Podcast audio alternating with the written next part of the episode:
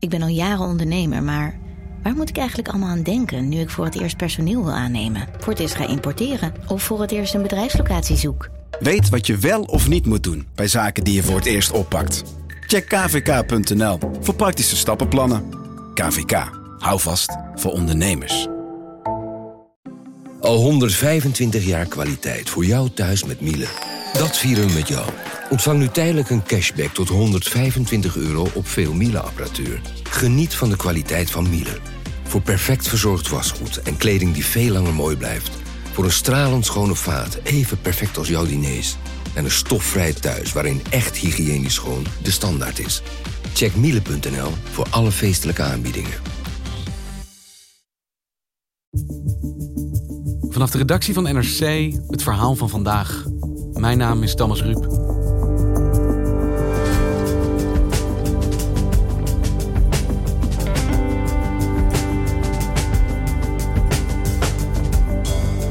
Al hun bezittingen verwoest, duizenden gezinnen ontheemd langs de kant van de weg. De brand in het door Europa gebouwde vluchtelingenkamp Moria is een humanitair drama. Verslaggever Maran Noshat Sharifi ziet op Lesbos de wanhoop groeien. Mensen hebben honger. Maar wie voelt zich voor hen verantwoordelijk?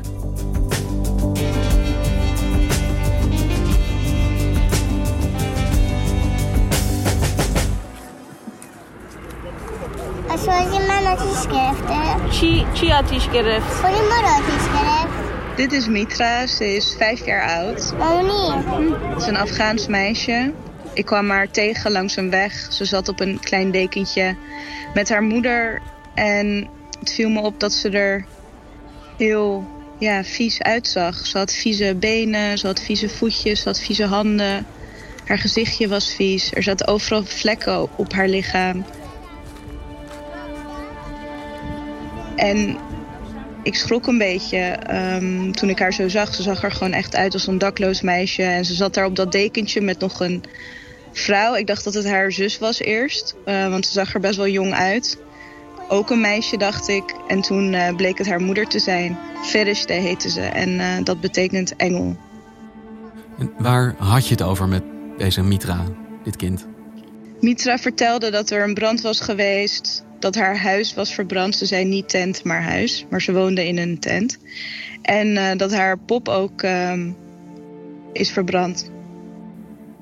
En waar sprak je haar?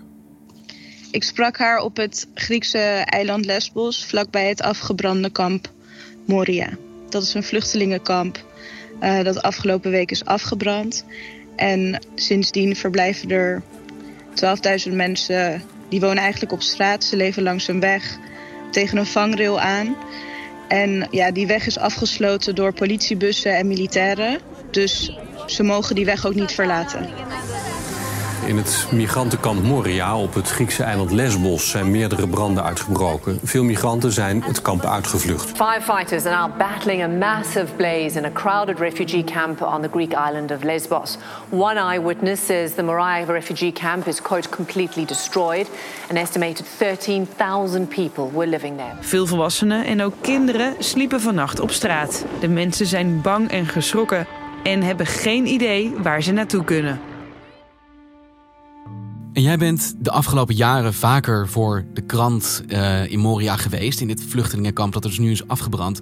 Wat was dat voor een plek? Moria was een hotspot. Dat was een, eh, een kamp dat was opgezet met als doel mensen tijdelijk op te vangen. Dus de vluchtelingen die via de eilanden binnenkomen om die daar tijdelijk op te vangen en ze daarna weer te verplaatsen naar het vasteland van Griekenland. Maar uiteindelijk werd het een plek waar mensen niet tijdelijk verbleven, maar soms best wel lang. Soms langer dan een jaar. Het was eigenlijk een soort buffer die door Europa gecreëerd is om daar vluchtelingen te laten wachten voor ze eventueel of doorgeplaatst of teruggestuurd zouden worden.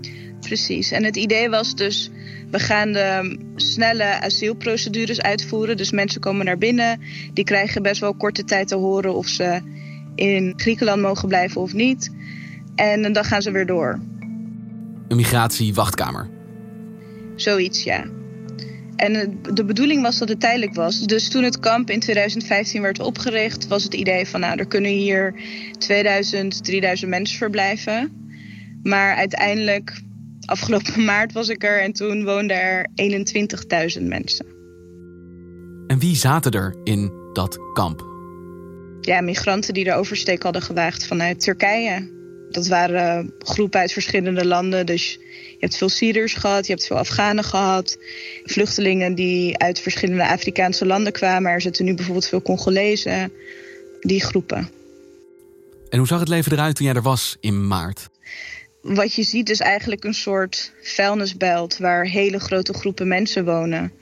Waar in de ene tent een uh, zwangere vrouw probeert te slapen. En in de andere tent zijn er uh, jonge tieners die uh, muziek willen luisteren en dronken willen worden. de voorzieningen zijn er heel slecht. Mensen stonden lang in de rij om te douchen. En de een die gaat naar de douche om echt te douchen, om zichzelf te wassen. En de ander die gaat naar de douche om zijn behoefte te doen, omdat de rij van de wc zo lang is. En het was gewoon een opstapeling van viesheid, narigheid. Er was geen perspectief voor mensen. Gewoon volkomen uitzichtloos. Nou ja, wat wel fijn was aan Moria in die tijd, zeggen de mensen die ik hier nu spreek, dat je uh, naar buiten kon gaan. Dus ondanks dat je zo dicht op elkaar leeft, stel je kind is verdrietig of is aan het huilen, of dan kan je even een wandeling maken, dan neem je je kind mee naar Mytilene in de hoofdstad van het eiland en dan koop je een ijsje voor je kind.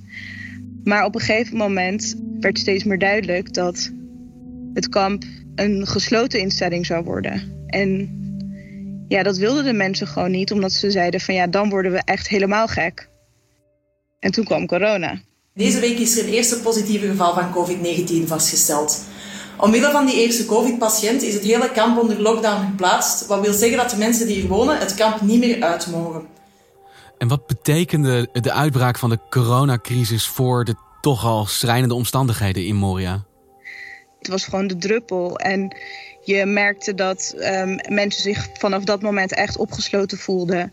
Dat het vertrouwen de, tussen de vluchtelingen en de autoriteiten hier steeds ja, slechter werd. Vorige week werd bekend dat sommige kampbewoners besmet zijn met corona. En de Griekse regering zei toen dat niemand het kamp mocht verlaten. Het kamp zit op slot. Uh, en met alle gevolgen van die natuurlijk voor alle mensen die daarin zitten... die het gevoel hebben dat ze wel als rat in de val zitten... en met name ook afgesloten zijn van gewoon basiszorg. En toen, als uh, soort van extra zetje, brak er een brand uit.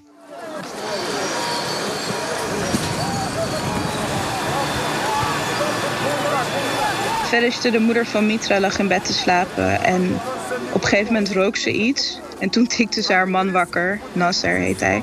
Van, hé, hey, ga even kijken wat er aan de hand is. En hij zei van, uh, ja joh, dat, dat komt wel goed. Die, dat wordt zo wel weer gedoofd.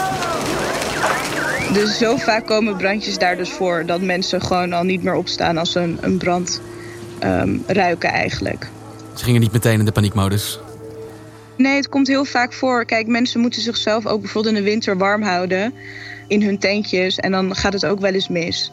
En er zijn gewoon regelmatig brandjes in het kamp. Dus nou ja, dan slapen ze gewoon door. En vervolgens werd die rook steeds erger. En toen stonden ze op, liepen ze naar buiten hun tent. En toen zeiden ze shit, er is gewoon een gigantische brand uitgebroken.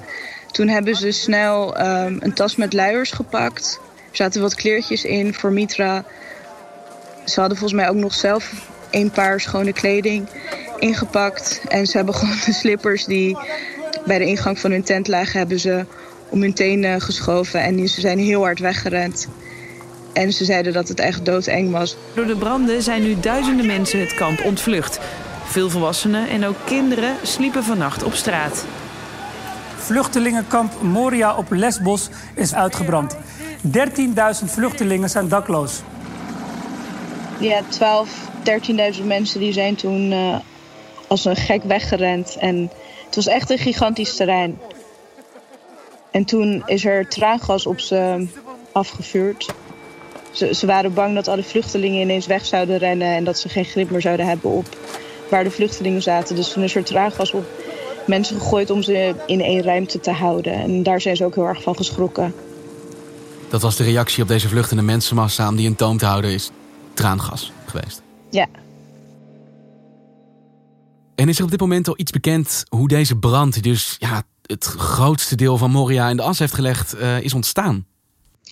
Ja, de Griekse politie heeft gisteren uh, vijf mensen opgepakt. Die het uh, mogelijk hebben uh, gedaan, die erachter zitten. En uh, het zou gaan om vijf Afghaanse mannen. En ze zoeken nog naar een zesde. De Griekse autoriteiten gaan ervan uit dat een aantal migranten brand heeft gesticht... uit onvrede over de coronalockdown die was afgekondigd. Ik was natuurlijk heel benieuwd hoe ze dan wisten dat zij het hadden gedaan... maar dat zou uit beelden van bewakingscamera's zijn gebleken... en ook uit getuigenverklaringen.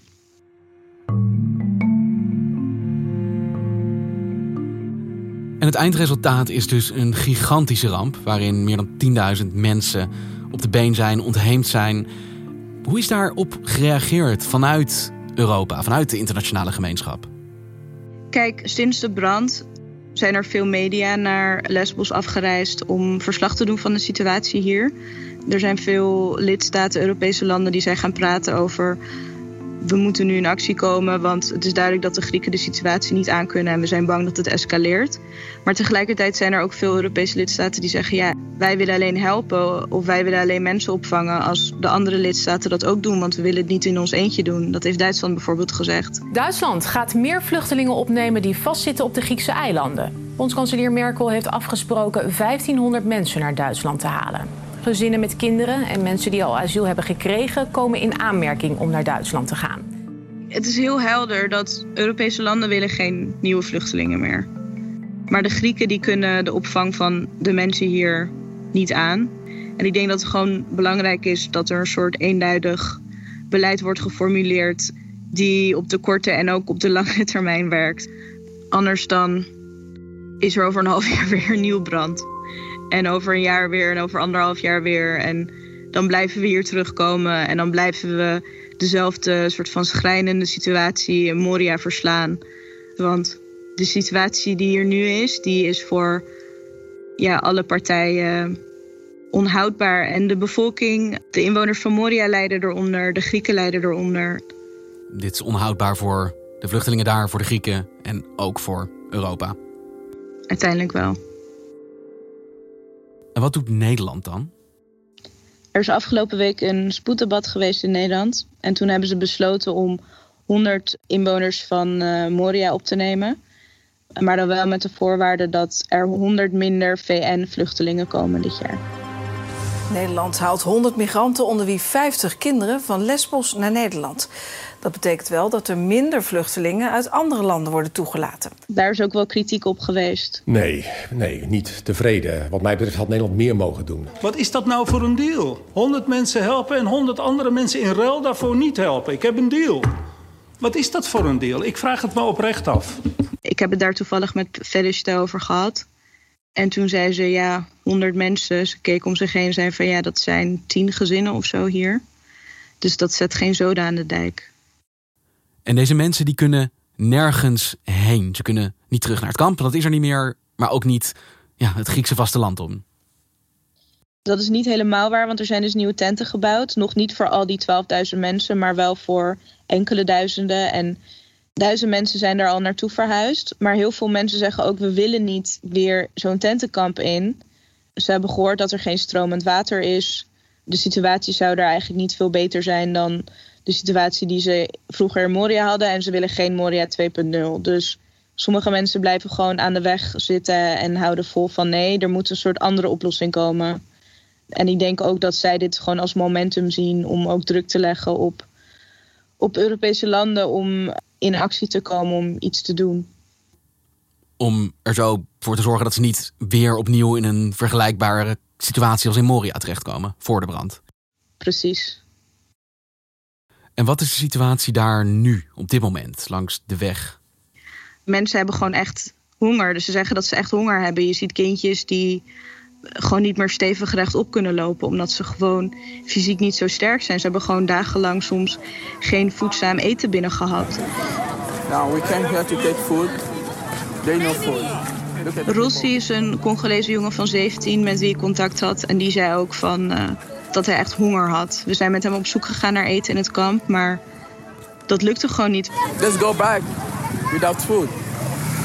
We don't know what we will eat. What we eat today. We don't have food. Wat het leger zegt, die zegt: als jullie nou allemaal weer in dat nieuwe tentenkamp gaan wonen dat wij hebben opgebouwd, dan um, zorgen wij ervoor dat daar weer eten is. Dus ze proberen eigenlijk de vluchtelingen met eten naar die tenten te lokken. En die vluchtelingen zelf zeggen: ja, we gaan niet weer die tenten in.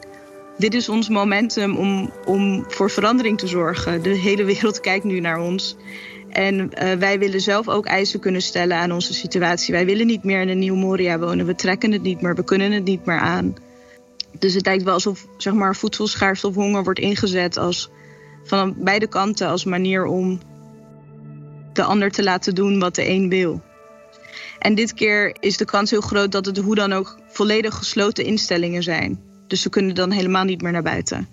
En dat is waar ze boos op zijn. Van ja, Moria was onhoudbaar, maar het was zwaar en moeilijk. Maar we konden af en toe naar buiten. We konden een wandeling maken. We konden een frisse neus halen. We konden een ijsje kopen voor ons kind. En als we nu in een kamp zitten waar we niet naar buiten kunnen, dan kan dat niet meer. En we willen dat niet. We kunnen het niet meer. Zaterdagavond was ik er en toen vertelde er kwamen gewoon vrouwen omheen staan en die begonnen gewoon te huilen.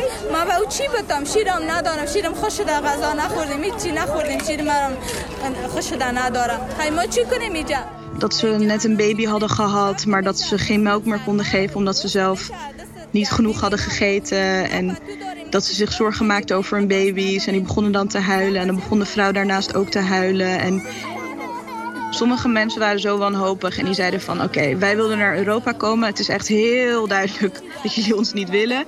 Is er iemand die gewoon hier een boot naartoe kan laten komen? Dan stappen wij op de boot en gaan we weer terug naar Turkije. Want het leven daar was echt veel prettiger en fijner dan hier in Europa. En Vereste en Nasser, Mitra, dat gezin, hoe vergaat het hen nu? Wat is hun perspectief op dit moment? Ik heb wel voice memo's gekregen. Dus uh, ik heb ze vanochtend nog uh, telefonisch gesproken. Maar ik weet, ik kan niet zien hoe het met ze gaat. Want sinds zondag zijn journalisten niet meer welkom en mogen ze niet meer uh, in het gebied komen waar de vluchtelingen verblijven. Ze zeggen dat, dat ze nog steeds aan de kant van de weg zitten. Dat Nasser heeft geprobeerd om via de bergen terrein te verlaten om iets te eten voor Mitra te kunnen kopen. Maar uh, hij werd tegengehouden door de politie, dus hij moest weer terug. Toen ik um, zaterdagavond in het kamp was, toen sprak ik Veriste en ze keek naar haar dochter en ze zei van dat ze zich zorgen maakte over dat ze gewoon niet goed rechtop loopt, dat ze geen energie heeft, dat ze steeds omvalt, dat uh, ze de medicijnen niet heeft voor, voor de schurft op haar lichaam. Um, die medicijnen die zijn ook uh, verwoest tijdens de brand. En ze zei, ik schaam me tegenover haar. Ik schaam me tegenover mijn kind. Ik denk van, het spijt me zo dat jij in deze situatie moet zitten. Maar kon ik haar ooit maar uitleggen dat de enige reden dat ik hier ben... dat dat vanwege haar is, dat ik dit voor haar doe. En um, ze zei, ik hoop dat ze me ooit vergeeft voor, voor waar we hierin zijn beland. Succes daar, Maro. Dankjewel.